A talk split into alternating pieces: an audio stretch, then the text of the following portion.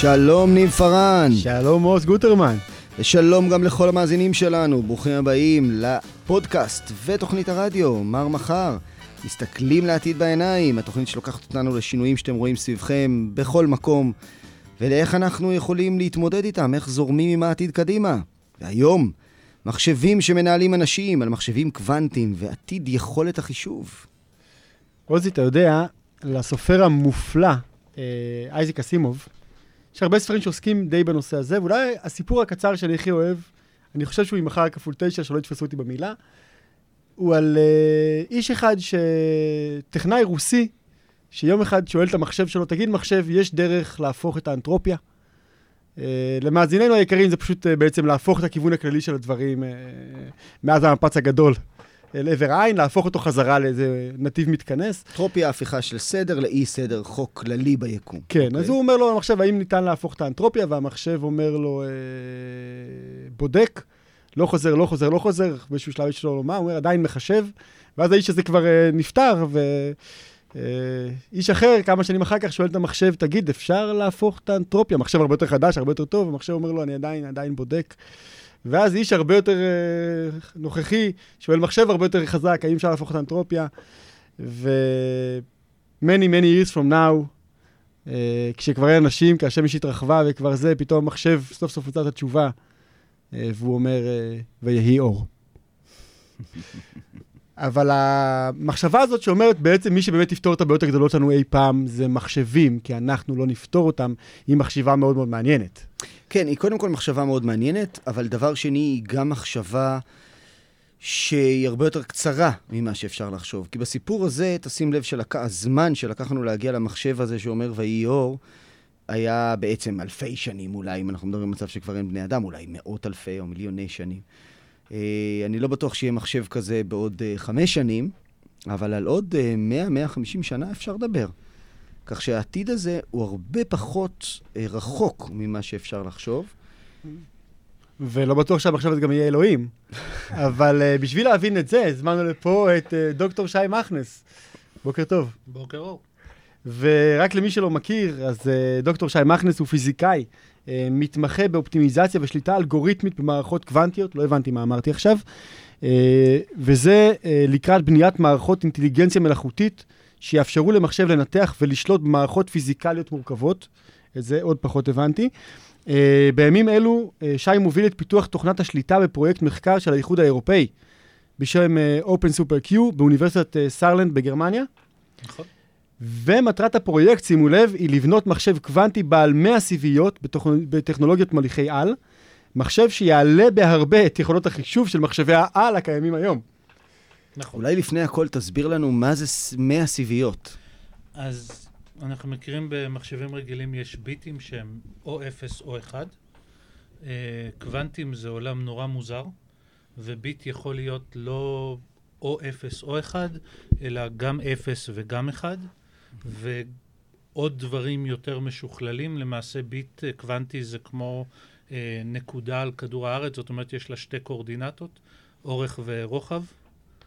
אז העושר של מה שניתן להביע בעזרת ביטים קוונטיים הוא הרבה הרבה הרבה יותר גדול ממה שאפשר עם ביטים רגילים. בואו נתחיל להסביר למאזינים, למי מאיתנו שלא uh, בקיא בשפה של המחשבים. אתה אומר, בסופו של דבר, כל השפה של המחשבים, כל האות הבסיסית היא אות אחת, יש שתי אפשרויות, או 0 או 1, זה הכל. וכל דבר בשפת המחשבים מבטאים ב-0-1, כמו שפעם היו מזינים את. החורים האלה למחשב, אז חור היה 1 ובלי חור זה 0, והשפה שהמחשב מדבר בסוף היא השפה, היא השפה הזאת. אבל השפה הקוונטית, אתה אומר, מתייחסת לאות לגמרי אחרת, ואני אומר למאזינים מראש, מי ממכם שחושב שיש כאלה שמבינים מה הולך שמה, טועה. אני חושב שיש, תתקן אותי אם אני טועה, אולי כמה מאות אנשים בעולם שבאמת מצליחים לתפוס את הדבר הקוונטי המוזר הזה. אני חושב שלא מבינים את זה כמו מתרגלים לזה. זאת אומרת, העולם הקוונטי הוא נורא מוזר. אנחנו רגילים שאתה יודע, התפוח הוא או בצד ימין של השולחן או בצד שמאל. בעולם הקוונטי הוא גם וגם. אני יכול לקחת אלקטרון אחד, להעביר אותו דרך שני חריצים באיזה לוח, לגרום לו להתנגש עם עצמו, ולעשות אלף ואחד דברים מוזרים. כלומר, אתה יכול לגרום ממש ליחידה להתנגש עם עצמה. כן, כן. ה- ה- ה- למשל, סתם אה, מוליכים למחצה, שיש לנו בכל הצ'יפים של AMD ואינטל ומה שלא יהיה, האפשרות היחידה להבין איך זה עובד, זה אם נניח שאלקטרון לא מסתובב סביב אה, גרעין של אטום, אלא מרוח על פני הרבה מאוד אטומים. והעובדה שהוא רואה הרבה מאוד אטומים, וזה מרגיש לו קצת כמו תבנית ביצים, איפה שיש אה, יש משהו ואין משהו, ויש משהו ואין משהו, גורם למה שנקרא מוליך למחצה. העולם הקוונטי הוא ממש מוזר באינטואיציה שלנו. כלומר, קודם כל צריך להתרגל לכך שבניגוד לאינטואיציה היומיומית, לא או שיש כוס או שאין כוס, אלא הכוס יכולה להיות בשני מקומות בבת אחת. אגב, אתה יודע, היא גם כש- ריקה וגם מלאה. שי, כשאמרת Mm. שמתנגש עם עצמו, זה הזכיר לי ויכוח עם אשתי. שהיא מביעה את עמדתה, ואז היא מביעה את עמדתי ולא מסכימה עם עצמה. בהצלחה. כן. אבל זאת אישה קוונטית. אישה. קוונטית. אוקיי, אז קודם כל אנחנו צריכים להתרגל לזה שהיקום מתנהג אחרת מהאינטואיציה היומיומית שלנו. לגמרי אחרת. ואת זה אנחנו הולכים לבנייה של מחשבים, ואת זה התחלנו מהשאלה של מה זה בעצם סיביות. אז אנחנו עובדים מאוד קשה לקחת איזושהי מערכת פיזיקלית ולגרום לה להתנהג כמו מחשב דיגיטלי. באופן טבעי אה, אה, אין סיביות קוונטיות. זה משהו שצריך לבנות, ואם אנחנו לא עושים את העבודה כמו שצריך, אז הסיבית הקוונטית היא לא 0 ולא 1, אלא 2. ואז כל החישוב נדפק.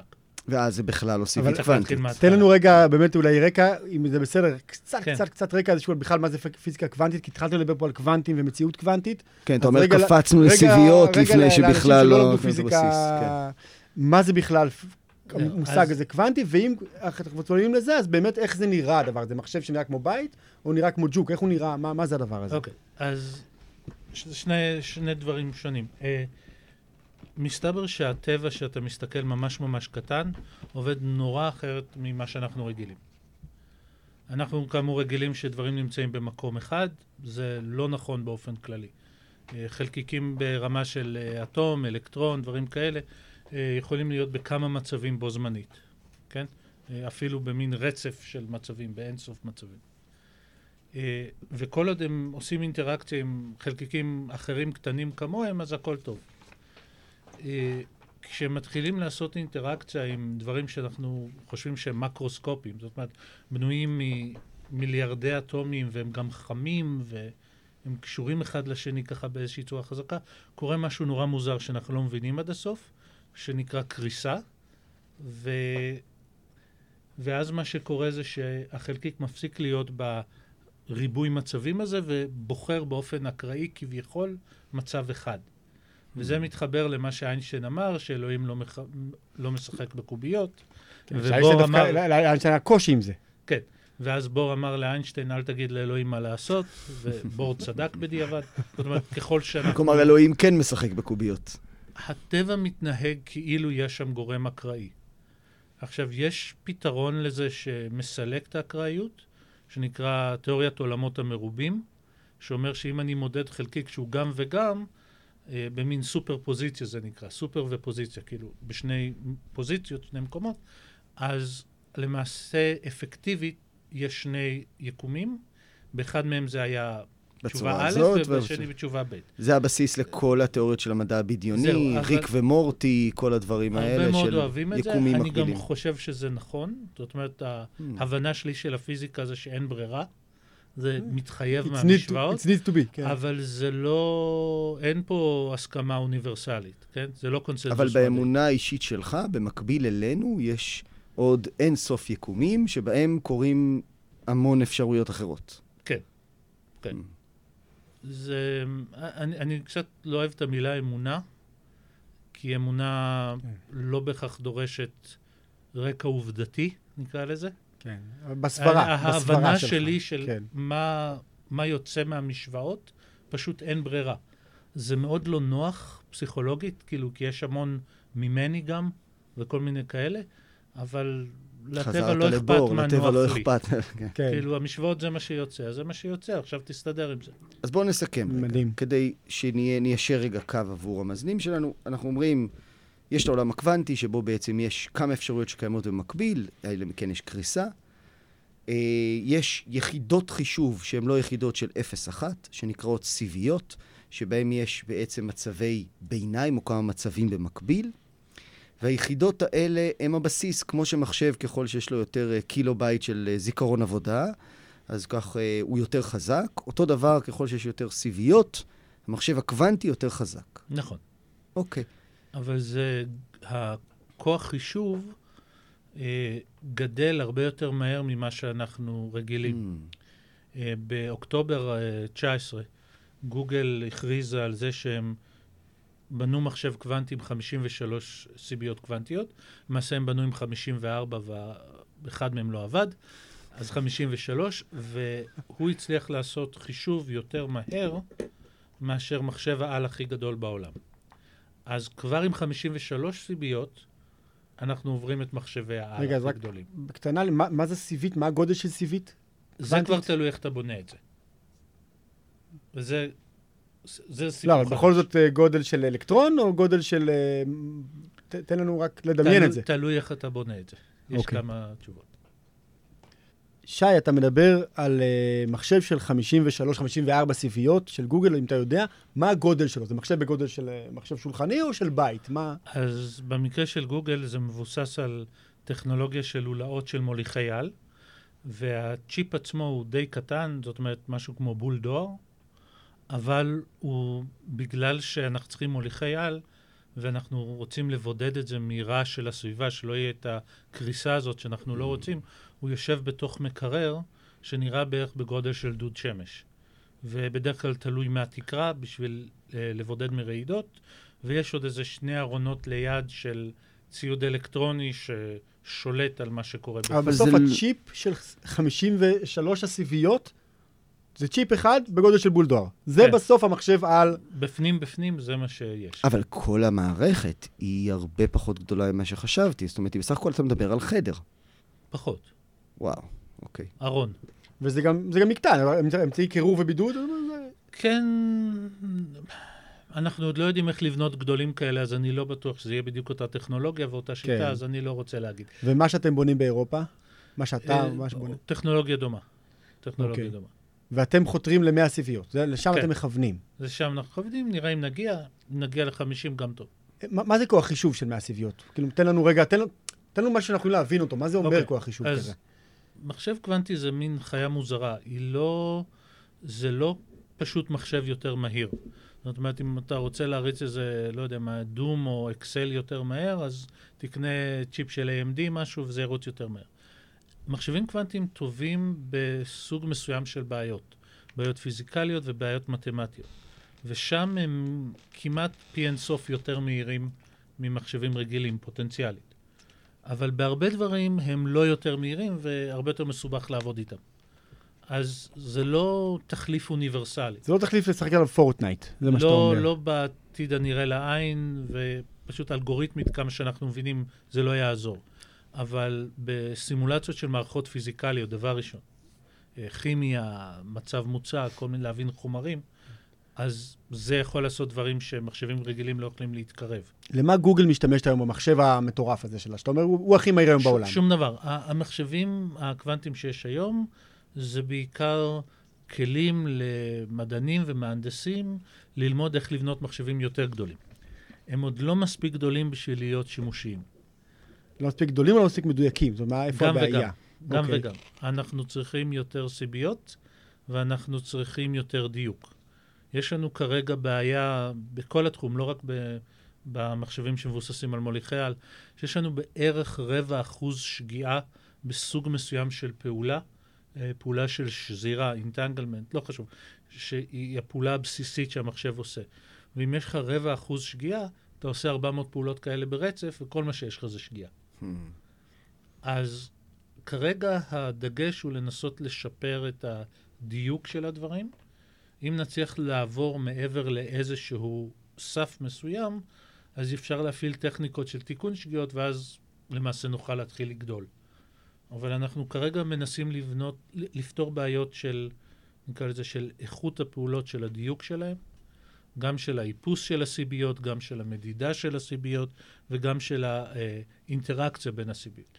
אז רגע, רגע, אבל אני רוצה לרוץ לצד הפרקטי של זה. בסוף, כן. אוקיי, יהיה לנו מחשב כזה עובד. נכון. מה עושים איתו? מה עושים עם אה. כזאת יכולת חישוב? מה זה, מה זה אוקיי, יכול בכלל? אז דבר, ב, ב, הדבר הראשון זה סימולציות של כימיה ופיזיקה.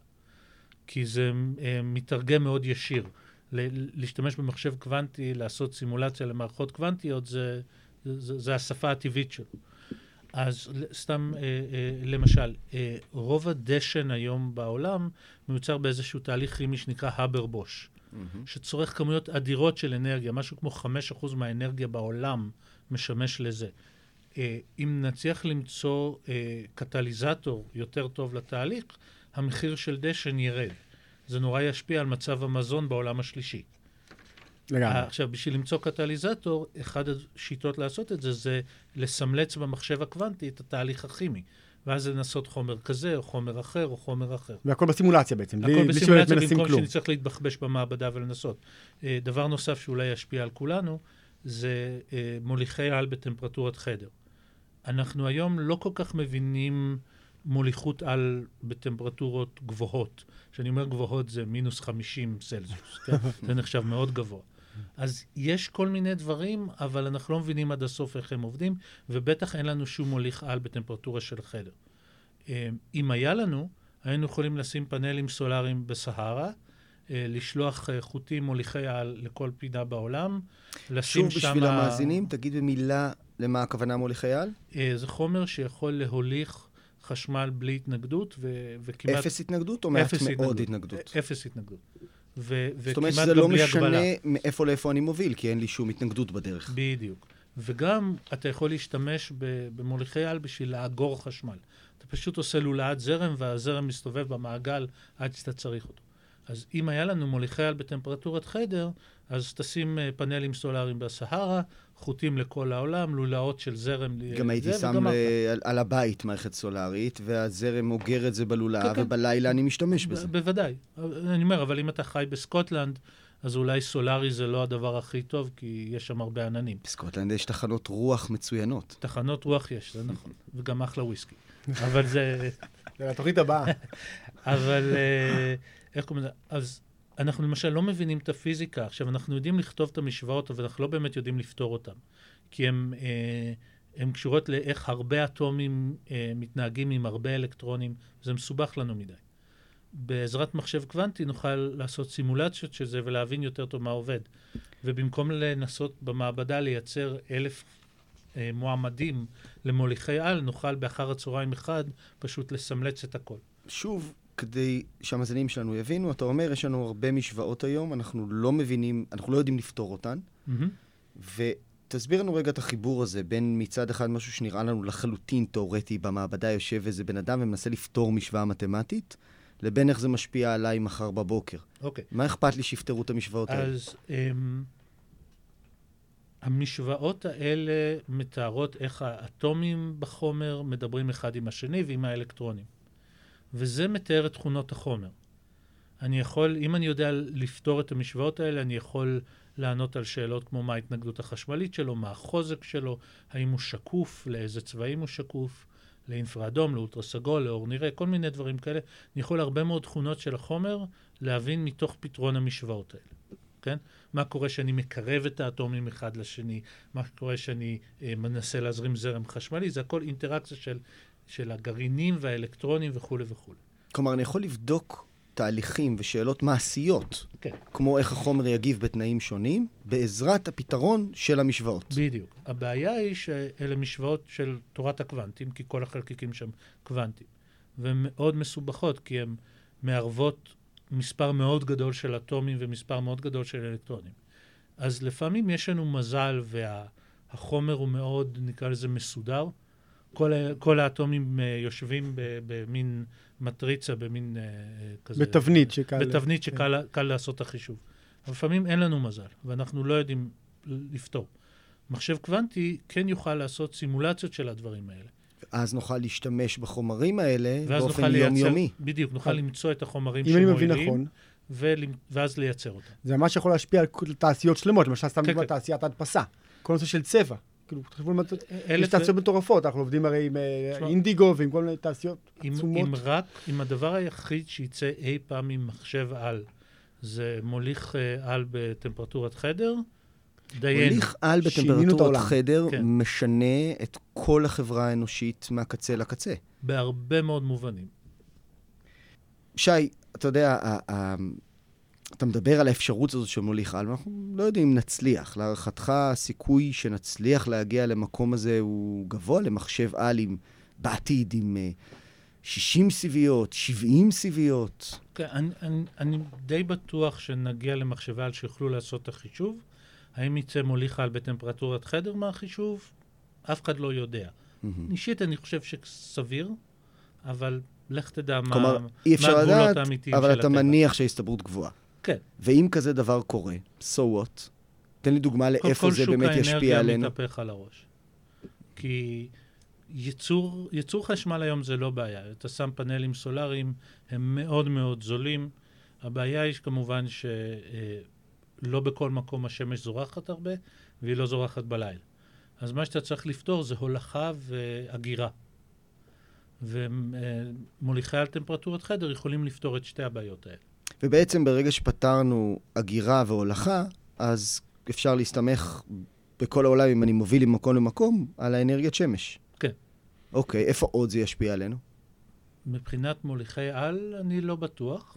אה, דוגמה ש, שבזמנו דיבר עליה אילן מאסק, דיבר על uh, תחבורה.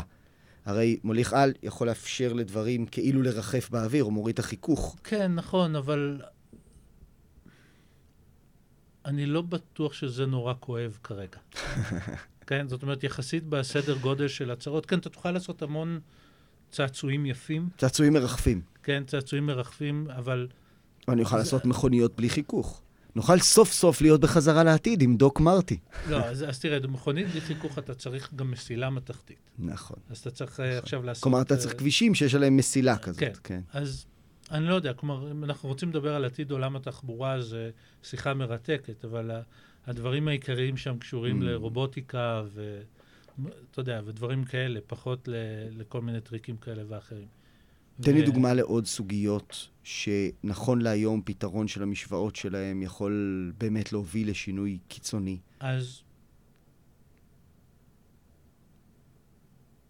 אנחנו לא כל כך טובים בלחזות העתיד. דיברת קודם על אסימוב, ובאסימוב יש את הסדרה של הפאונדיישן, המוסד. בוודאי.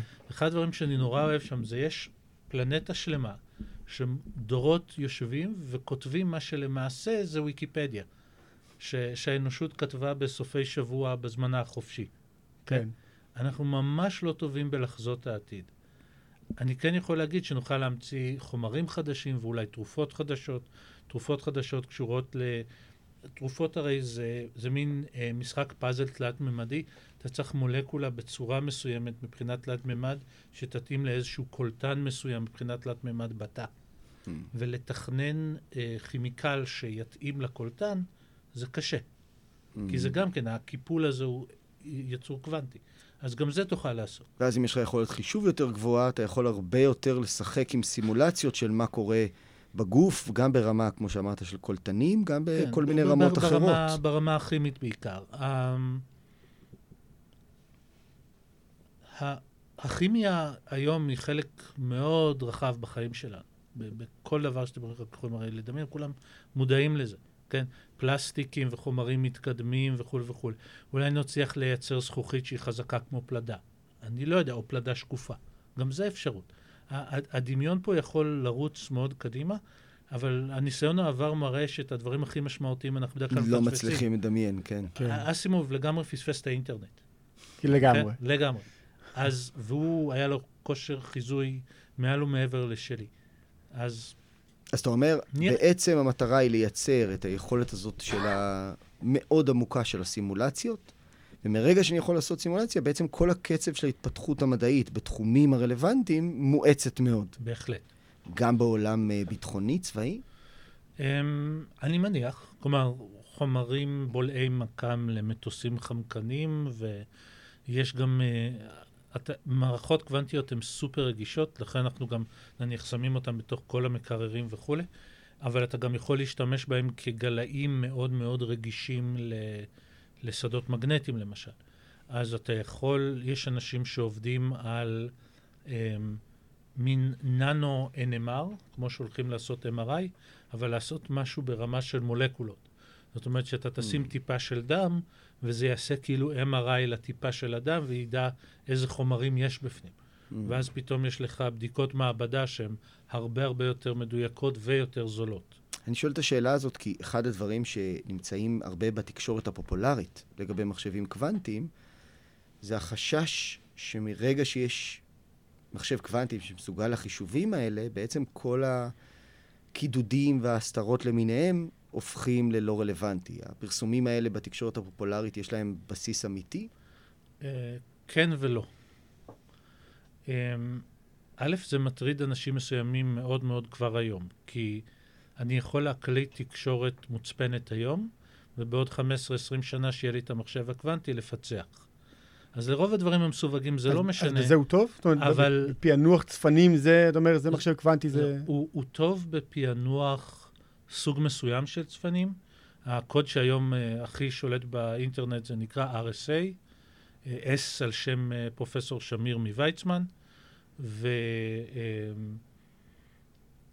uh, הסוג הזה של הקוד הוא יודע לפצח. אבל מכיוון שאנחנו יודעים שמחשבים קוונטיים מגיעים, מפתחים היום Mm. צפנים אחרים, אלטרנטיביים, שככל שאנחנו יכולים לראות כרגע, הם אה, לא נשברים על ידי מחשב קוונטי.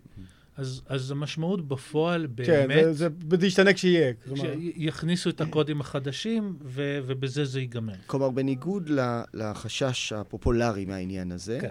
פשוט ישנו את שיטת הקידוד למשהו שמחשב קוונטי פחות מתמודד איתו. כן, אה, כמובן שאתה יודע, הפשוט הזה, יש הרבה מתכנתים, כן. אלפי כן, מתכנתים שיודעים על הפשטות. פשוט ברמת ראש, אה, זה- 15 שנה לא ואלפי מסובך. מהנדסים. כן. אני יודע שאתה לא נביא וזה, אבל מתי, מתי להערכתך כן יהיה לנו מחשב קוונטי, שאם אני מבין נכון, זה לא כל כך כמות הסיביות, זה לא כזה משנה אם זה יהיה 50 או 100, אלא מה שחשוב זה האמינות. כאילו, זה אז- מה שבאמת יגרום לו להתחיל לעבוד איתו. אז יש טריקים בנושא אמינות אה, שנקרא תיקון שגיאות. שמרגע שאתה עובר איזושהי, איזשהו רף אמינות, אתה יכול להתחיל להשתמש בו, ואז אמינות לא... אז מתי נגיע לא לרף בעיה. הזה? מתי נגיע לרף הזה?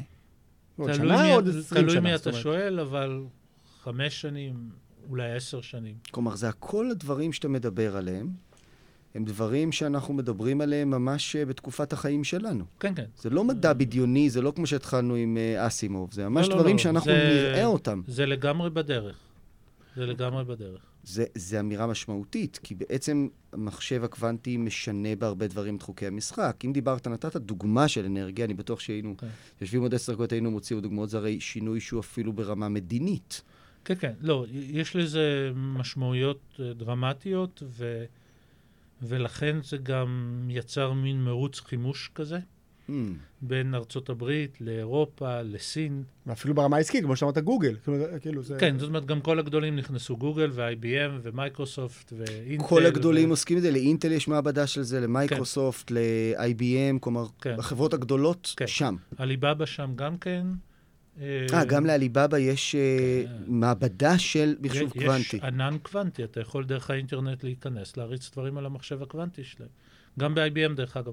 יש, אה, מי שיחפש בגוגל IBM Quantum Experience, זה מחשב קוונטי אמיתי עם חמש סיביות, אתה יכול להריץ עליו מה שאתה רוצה, חינם, כלומר, אבל- אנחנו יכולים אבל להיכנס... שם, אגב, מה רמת האמינות, שוב, כי איך איך הם התגברו על רמת האמינות? לא משהו, אבל, לא, ולכן זה גם המחשב שהם פותחים לכולם.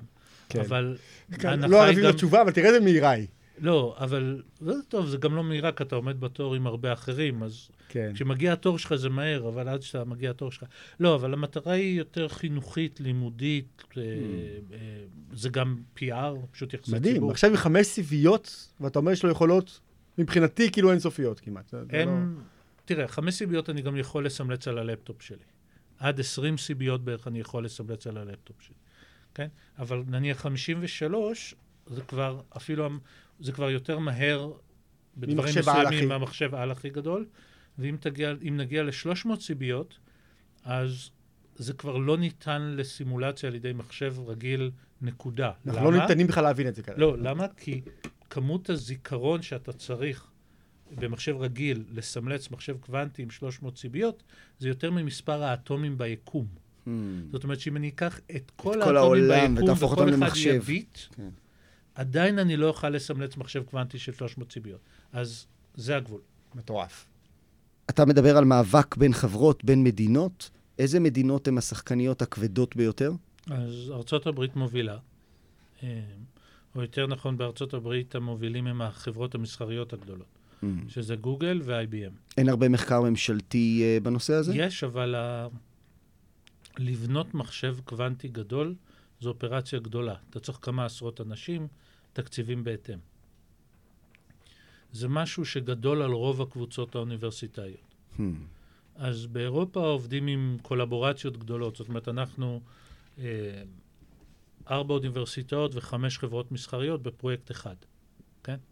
ארבע אוניברסיטאות. וחמש חברות ביחד בשביל לבנות מחשב בשביל אחד. לבנות. כשאתה וזה- מייצג את מכון ויצמן או שאתה... א- א- אני, מטעם אני, מי? אני, עובד באוניברסיטת סארלנד בגרמניה, ו... שהיא אחת חלק- ה... כן, שהיא אחד ה... אנחנו גם מרכזים את הפרויקט. אמ, ויש אה, אוניברסיטה בשוודיה שנקראת צ'למרס, ו-ETH בציריך, ובלבאו בספרד. וזה המחשב הכי גדול באיחוד האירופי? זאת אומרת, זה אמ, כרגע כן. החוד החנית של האיחוד האירופי כן. לא, הם גם רוצים לקנות אה, מכונה של IBM. אז אה, נראה מי, מי יגיע קודם, מי, מי, מי, מי. יעשה יותר גדול. אבל אה, אתה יודע, ו- והסינים גם רצים קדימה. הסינים המון זה המון בעיקר ממשלתי או בעיקר חברות פרטיות? כסף. בסין? כן. אני לא יודע מה ההבדל בסין בדיוק. סין, אתה גם- אומר, גם מי שפרטי הוא זו ממשלתי. אמירה נהדרת. זה גם קשור לבורות שלי, אם אני רוצה להיות כנה. אני לא לגמרי מכיר מה קורה שם, אבל יש לי הרגשה שהגבול שם בדברים כאלה, כן. בין חברה מסחרית לממש... להחלטות ממשלתית הוא ממשלתיות, מאוד הוא, לא ברור. הוא, לא, כן. הוא לא חד. והמדינות האלה מתייחסות לדברים האלה כסוד מדינה? זאת אומרת ש-IBM עושה תהליך כזה, יש לה איזושהי הבטחה של האמריקאים וכן הלאה, או שזה יש פחות? כרגע מתחיל להיות כל מיני הגבלות ייצוא Mhm. מארצות הברית על טכנולוגיות שקשורות למחשבים קוונטיים. וכתוצאה מזה, ותהליכים פוליטיים יותר רחבים שקורים בארצות הברית, האירופאים למשל החליטו שאי אפשר לסמוך על ארצות הברית כפרטנר טכנולוגי, והם צריכים משל עצמם. Hmm. אז הם מתחילים לבנות מחשבי על משל עצמם, ופשוט מנסים, מקימים עכשיו תשתית טכנולוגית מקבילה, דווקא, בשביל לא להיות אוקיי. תלויים בארצות הברית. והתקציבים שמדינות שמות על זה, זה מיליונים, מאות מיליונים, מיליארדים? אה, מיליארדים, ו- ו- וכמה מיליארדים. אוקיי. אז נניח בארצות הברית שתי מיליארד, באירופה שמו מיליארד ואחר כך הוסיפו עוד חצי, אבל שבוע שעבר, כחלק מהתוכנית עידוד הכלכלה הגרמנית, הם שמו שני מיליארד יורו על, על טכנולוגיה קוונטית. שבוע שעבר צריך להגיד שאנחנו מקליטים את התוכנית אוקיי. הזאת ב-15 ביוני, כי אנחנו לא כן. יודעים מתי היא תשודר, אז 15 ליוני, אוקיי. אז שבוע שעבר הם, אה, יצאה החלטה ששני מיליארד אה, יורו הולכים לטכנולוגיות קוונטיות, שמיד הופך את הבעיה מבעיה להשיג מספיק כסף לבעיה להשיג מספיק אנשים טובים. שזה אומר שיצטרכו להתחיל לייבא אנשים מבחוץ. אוקיי, אז בואו נגיע, ל... כפטריוטים דגולים, בואו נגיע לזווית שלנו. מה קורה בישראל עם התחום הזה בכלל, של אוקיי. נקרא לזה...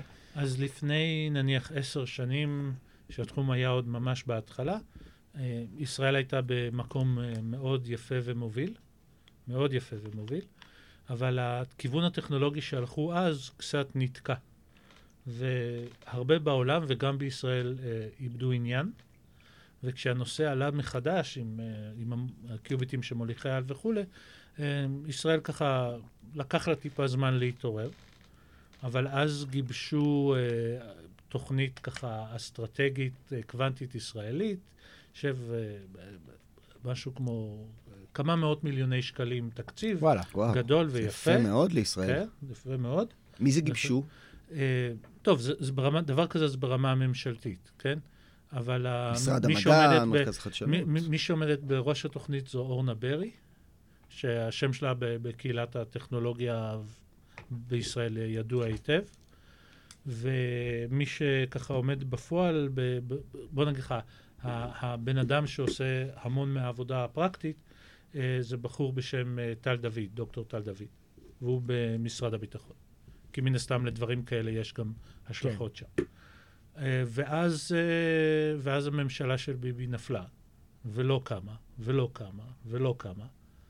ואנחנו כבר משהו כמו שנתיים בלי התוכנית, כי תוכנית חדשה דורשת חוק תקציב. Hmm. ואין חוק תקציב כבר הרבה מאוד זמן. אנשים, אז, חי... אנשים אז, חיפשו אוניברסיטאות אחרות, ערקו ל... אז הכל, אז הכל היה ככה, לא אגיד מוקפא לגמרי, אבל לא קיבל את הבוסט הראוי. אני מקווה שעכשיו הדברים יזוזו. אני אופטימי. נכון להיום, ישראל היא שחקן משמעותי על המפה הזאת? כן, אבל לא כמו שהיינו יכולים להיות. Hmm. נניח אם התוכנית הזאת הייתה נכנסת לפועל כש, כשהיא נהגתה לפני, אה, אני יודע, כן, שנתיים. כן, זמן הוא קריטי בדברים האלה. אנחנו קצת, אה, קצת איבדנו זמן, אבל זה בסדר, האקדמיה הישראלית היא מאוד מאוד חזקה. אנחנו, אנחנו, זה, יש גם סטארט-אפים ב- אה, בישראל בתחום, לא הרבה, שניים או שלושה. וואלה, כמו, כן. מה, מה, מה הסטארט-אפ יכול לעשות בדבר הזה? אז יש סטארט-אפ אחד שעוסק בתקשורת קוונטית, הצפנה קוונטית, תקשורת קוונטית, שלא כל כך דיברנו על זה, אבל זה ככה חיה. זה מרתק, אתה אומר אפשר באזור, להשתמש אבל, בו אבל, לא אבל, כדי רק כדי לפרוץ קבצים, אלא גם כדי להצפין. כן, למרות ש... אתה יכול להגיד זה... על זה מילה? כן, אז um, ב, בהצפנה, ה... אוקיי, נניח אני מקליט uh, uh, רעש של גשם, הוא לגמרי לגמרי אקראי. מקליט ככה מתי הטיפות נופלות. אני, יש נניח רק שני עותקים בעולם של ההקלטה הזאת, אחד אצל, אחד אצל אה, אדם א', השני אצל אדם ב'. אה, אם הם, הם יכולים להשתמש ברעש הזה בשביל להעביר מידע ביניהם בצורה שהיא מאובטחת אבסולוטית. Hmm. אתה, אתה פשוט איכשהו מערבב את מה שאתה רוצה אה, לשדר עם הרעש האקראי. לרעש הזה. ואז אם לצד השני יש בדיוק כן, בדיוק. אותו רעש אקראי, הוא יכול, הוא יכול לערבב הפוך, כן? אה, כל עוד משתמשים רק פעם אחת ברעש. אם משתמשים הרבה פעמים, אז כבר זה פריץ. מה, ש, מה שהקוונטים מאפשרים לנו זה איכשהו לייצר את, ה, את הרעש האקראי הזה, אבל בלי להכין אותו מראש. אלא איכשהו אני מעביר לך פוטונים, ו- ואצלי יש פוטונים והם קשורים באיזושהי צורה. בעזרת החיבור ש... בין שני חלקיקים? ב- בעזרת השזירה הזאת, כן. Mm-hmm. בעזרת ה... זה מין קורלציה קוונטית בין שני חלקיקים, ש- שמבטיח ש... אם אצלי זה אפס, אז גם אצלך זה יהיה אפס, כן, ואם כן, אצלי כן. זה כן, אחד, זה גם אצלך אחד. את העניין הזה, את העניין הזה של השזירה הקוונטית, אתה צריך להסביר לי אחרי התוכנית. אני, אני אגיד שוב למאזינים, ה, ה, מה שקורה בשזירה, תקן אותי אם אני טועה באחד, בטח אני אטעה בארבעה דברים לפחות, שיש שני חלקיקים שבעצם מחוברים אחד לשני, שזורים אחד בשני, ואם משהו קורה בצד הזה, הוא גם קורה בצד הזה. למרות ששוב, שלכאורה אין שום קשר בין ה-20 טעויות. לא 20 טעויות, מדובר על... אז בואו בוא נגיד מה זה, פשוט, אולי זה, זה יותר פשוט. יופי, יופי. אמ, אמרנו שביט יכול להיות או 0 או 1. עכשיו, אני יכול לדאוג ששני ביטים יהיו או שניהם 0 או שניהם 1, אוקיי? זאת אומרת שמצד אחד, אם אתה בודק ביט מסוים, אם הוא 0 או 1, אתה תקבל באופן אקראי או ככה או ככה. אבל אם תבדוק את הביט השני, מובטח שתקבל את אותה תשובה. אוקיי? Okay? למרות שהם לכאורה לא קשורים. הם, הם, הם זה... כאילו אקראיים, אבל הם אותו אקראי. וזה נכון גם עם uh, ביט אחד בכדור הארץ והשני בגלקסיית אנדרומדה. כלומר, ברגע שיש קריסה של אחד מהם, לא משנה מה המרחק, השני יקרוס לאותו מקום. אני צריך פה, צריך נורא להיזהר בניסוחים. ש, אה, שהשני יבדוק ותשוו תוצאות, אתם תראו שיצא mm, אותו דבר. אוקיי, כן? כלומר דייקת את זה יש לשם. פה, יש פה עניין של צורך גם לדבר אחד עם השני ולהשוות תוצאות, mm. כן? אבל מה שזה מאפשר זה למעשה לייצר כמו הרעש האקראי הזה בשתי מקומות, כן? ובאינסוף פעמים. כמה, וכמה כמה, כמה שרק בדיוק, רוצה. שזה היתרון הגדול. בדיוק. עכשיו, שאלה שאני שואל את עצמי, זה אם באמת יש לנו שיטות הצפנה רגילות, למחשבים רגילים, שחסינים קוונטי, האם זה נדרש? אבל זה כבר שאלה מסחרית, נקרא לזה. כן. מבחינה מדעית, כל הנושא של הצפנה קוונטית הוא פנטסטי ומרתק ומאתגר, ועושים שם יופי של דברים. וזה תענוג גדול. טוב, אני, אני אגיד אה, שא', מעניין אותי מאוד לחשוב בכלל איך סטארט-אפים כאלה עובדים, הרי זה נראה לי נורא יקר, איך איך עושים ניסויים? זה כמו איינשטיין במחשבה, איך אני בודק בכלל דברים כאלה? נראה לי כמו סטארט-אפ שנורא יקר לתחזק אותו, בשביל אה, מוצר שלא קיים. אתה צריך כמה לייזרים. תראה, הדברים האלה בדרך כלל יוצאים מתוך מעבדות אוניברסיטאיות. זאת אומרת שאנשים בנו את הניסויים האלה בצורה זו או אחרת במעבדה שלהם. ואז אתה צריך שולחן עם מראות וגלאים ולייזרים, ויש מתודולוגיה סדורה שאתה עושה דוקטורט, ואחר כך פוסט-דוקטורט, אתה לומד איך, איך בונים את זה. ואז אתה לוקח את זה לזירה העסקית, כן? בזירה העסקית אתה צריך לספק למישהו קופסה עם כפתור אחד שמדליק את זה, וזה פשוט ולא דורש אה, כן. דוקטורנט אה, בשביל שהכל יעבוד. אבל עיקר העבודה מתחיל ב- במעבדה. אז אה, שי, יש כל כך הרבה מה להגיד, אבל זמננו לצערי נגמר, ואני חושב שכן ניפגש פה ב-2030 עם. מחשבים קוונטיים שבאמת משנים את העולם, ומי שרוצה אנרגיה חינם, אז מוזמן לפה לאולפן. כן, ואני אגיד לפני, ש, שזה היה... כל כך הרבה מקומות עוד יכולנו ללכת אליהם. אתה יודע, אחד הדברים ש, שרציתי לשאול אותך ולא הספקתי, זה על הנושא הזה של האם התקשורת הזו שתיארת, המצב הזה של החיבור בין שני חלקיקים, האם זה גם בעתיד יכול לאפשר לנו תקשורת מרחוק וכן הלאה? בה? מעניין, מאוד אה, מעניין. זה, זה קל לענות, לא. התשובה היא לא. למה? כי אני. צר... צריך להתחבר ולבדוק. כי אתה צריך תקשורת קלאסית, גם Mm. רגילה, בשביל להשוות. כלומר, התקשורת הקלאסית היא זאת שמאפשרת בכלל את התהליך הזה. היא, היא חלק מה, מהתהליך, מהפרוטוקול. ואתה יודע מה הכי, אבל אחרי כל השאלות וכל הדברים, הכי שימח אותי, שבעצם אה, פה בפומבי, אה, ממש אה, באופן מוקלט, תמכת ב-Rick and Morty. ואמרת שעיקומים אפשריים מבחינתך, זה אפשרי. אז מעבר ללהגיד לך תודה, אנחנו גם נגיד תודה לצוות המדהים שלנו, שלא פגשת, אבל אה, עם חלקם דיברת בטלפון. אה, נגיד תודה גם לרבית בן יהודה, אשר על ההפקה, גם ליאיר גוטרמן, שעורך לנו את הפודקאסט, גם כמובן, נגיד לצוות המקסים של רדיו צפון, 104.5, אה, נגיד להם תודה. וכמו תמיד, אנחנו מזמינים אתכם להצטרף לקבוצת הפייסבוק שלנו, מר מחר, הקבוצה הכי מתקדמת שלוקחת אתכם לעתיד עם כלים, להתפתחות אישית, לאיפה אתם יכולים להיות מחר. אה, בעולם המטורף והמשתנה הזה שלנו, אתם מוזמנים להקיש בפייסבוק, מר מחר, קהילה בצמיחה מתמדת.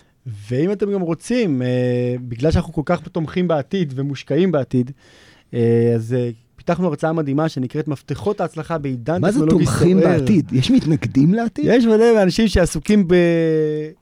התנגדות פעילה. שמה שהיה הוא שיהיה. מלא מלא אנשים שאני מכיר שבעצם אה, חיים באיזושהי נוסטלגיה נפלאה של אה, The older I get, the better I was. אז uh, הרצאה מדהימה, שנקראת מפתחות ההצלחה בעידן טכנולוגי סוער, שלוקחת את המחקרים הכי חדשים בתחום הזה של התפתחות וצמיחה, ומנגישה אותם בצורה מאוד מאוד אפקטיבית uh, והתנהגותית אלינו. אז uh, מוזמנים להתקשר, 054-8118-741, דברו איתנו. שי, תודה רבה. ולכל המאזינים שלנו, שיהיה לכם uh, עתיד מקסים ומחר נפלא.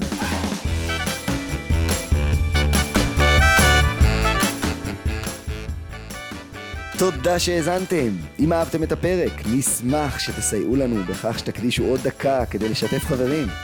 זו דרך נהדרת גם לעזור לפודקאסט וגם לעשות משהו טוב בשביל החברים שלכם. אם אתם משתמשים במכשיר של אפל, נשמח שתשאירו תגובה ודירוג. שיהיה לכם מחר נפלא.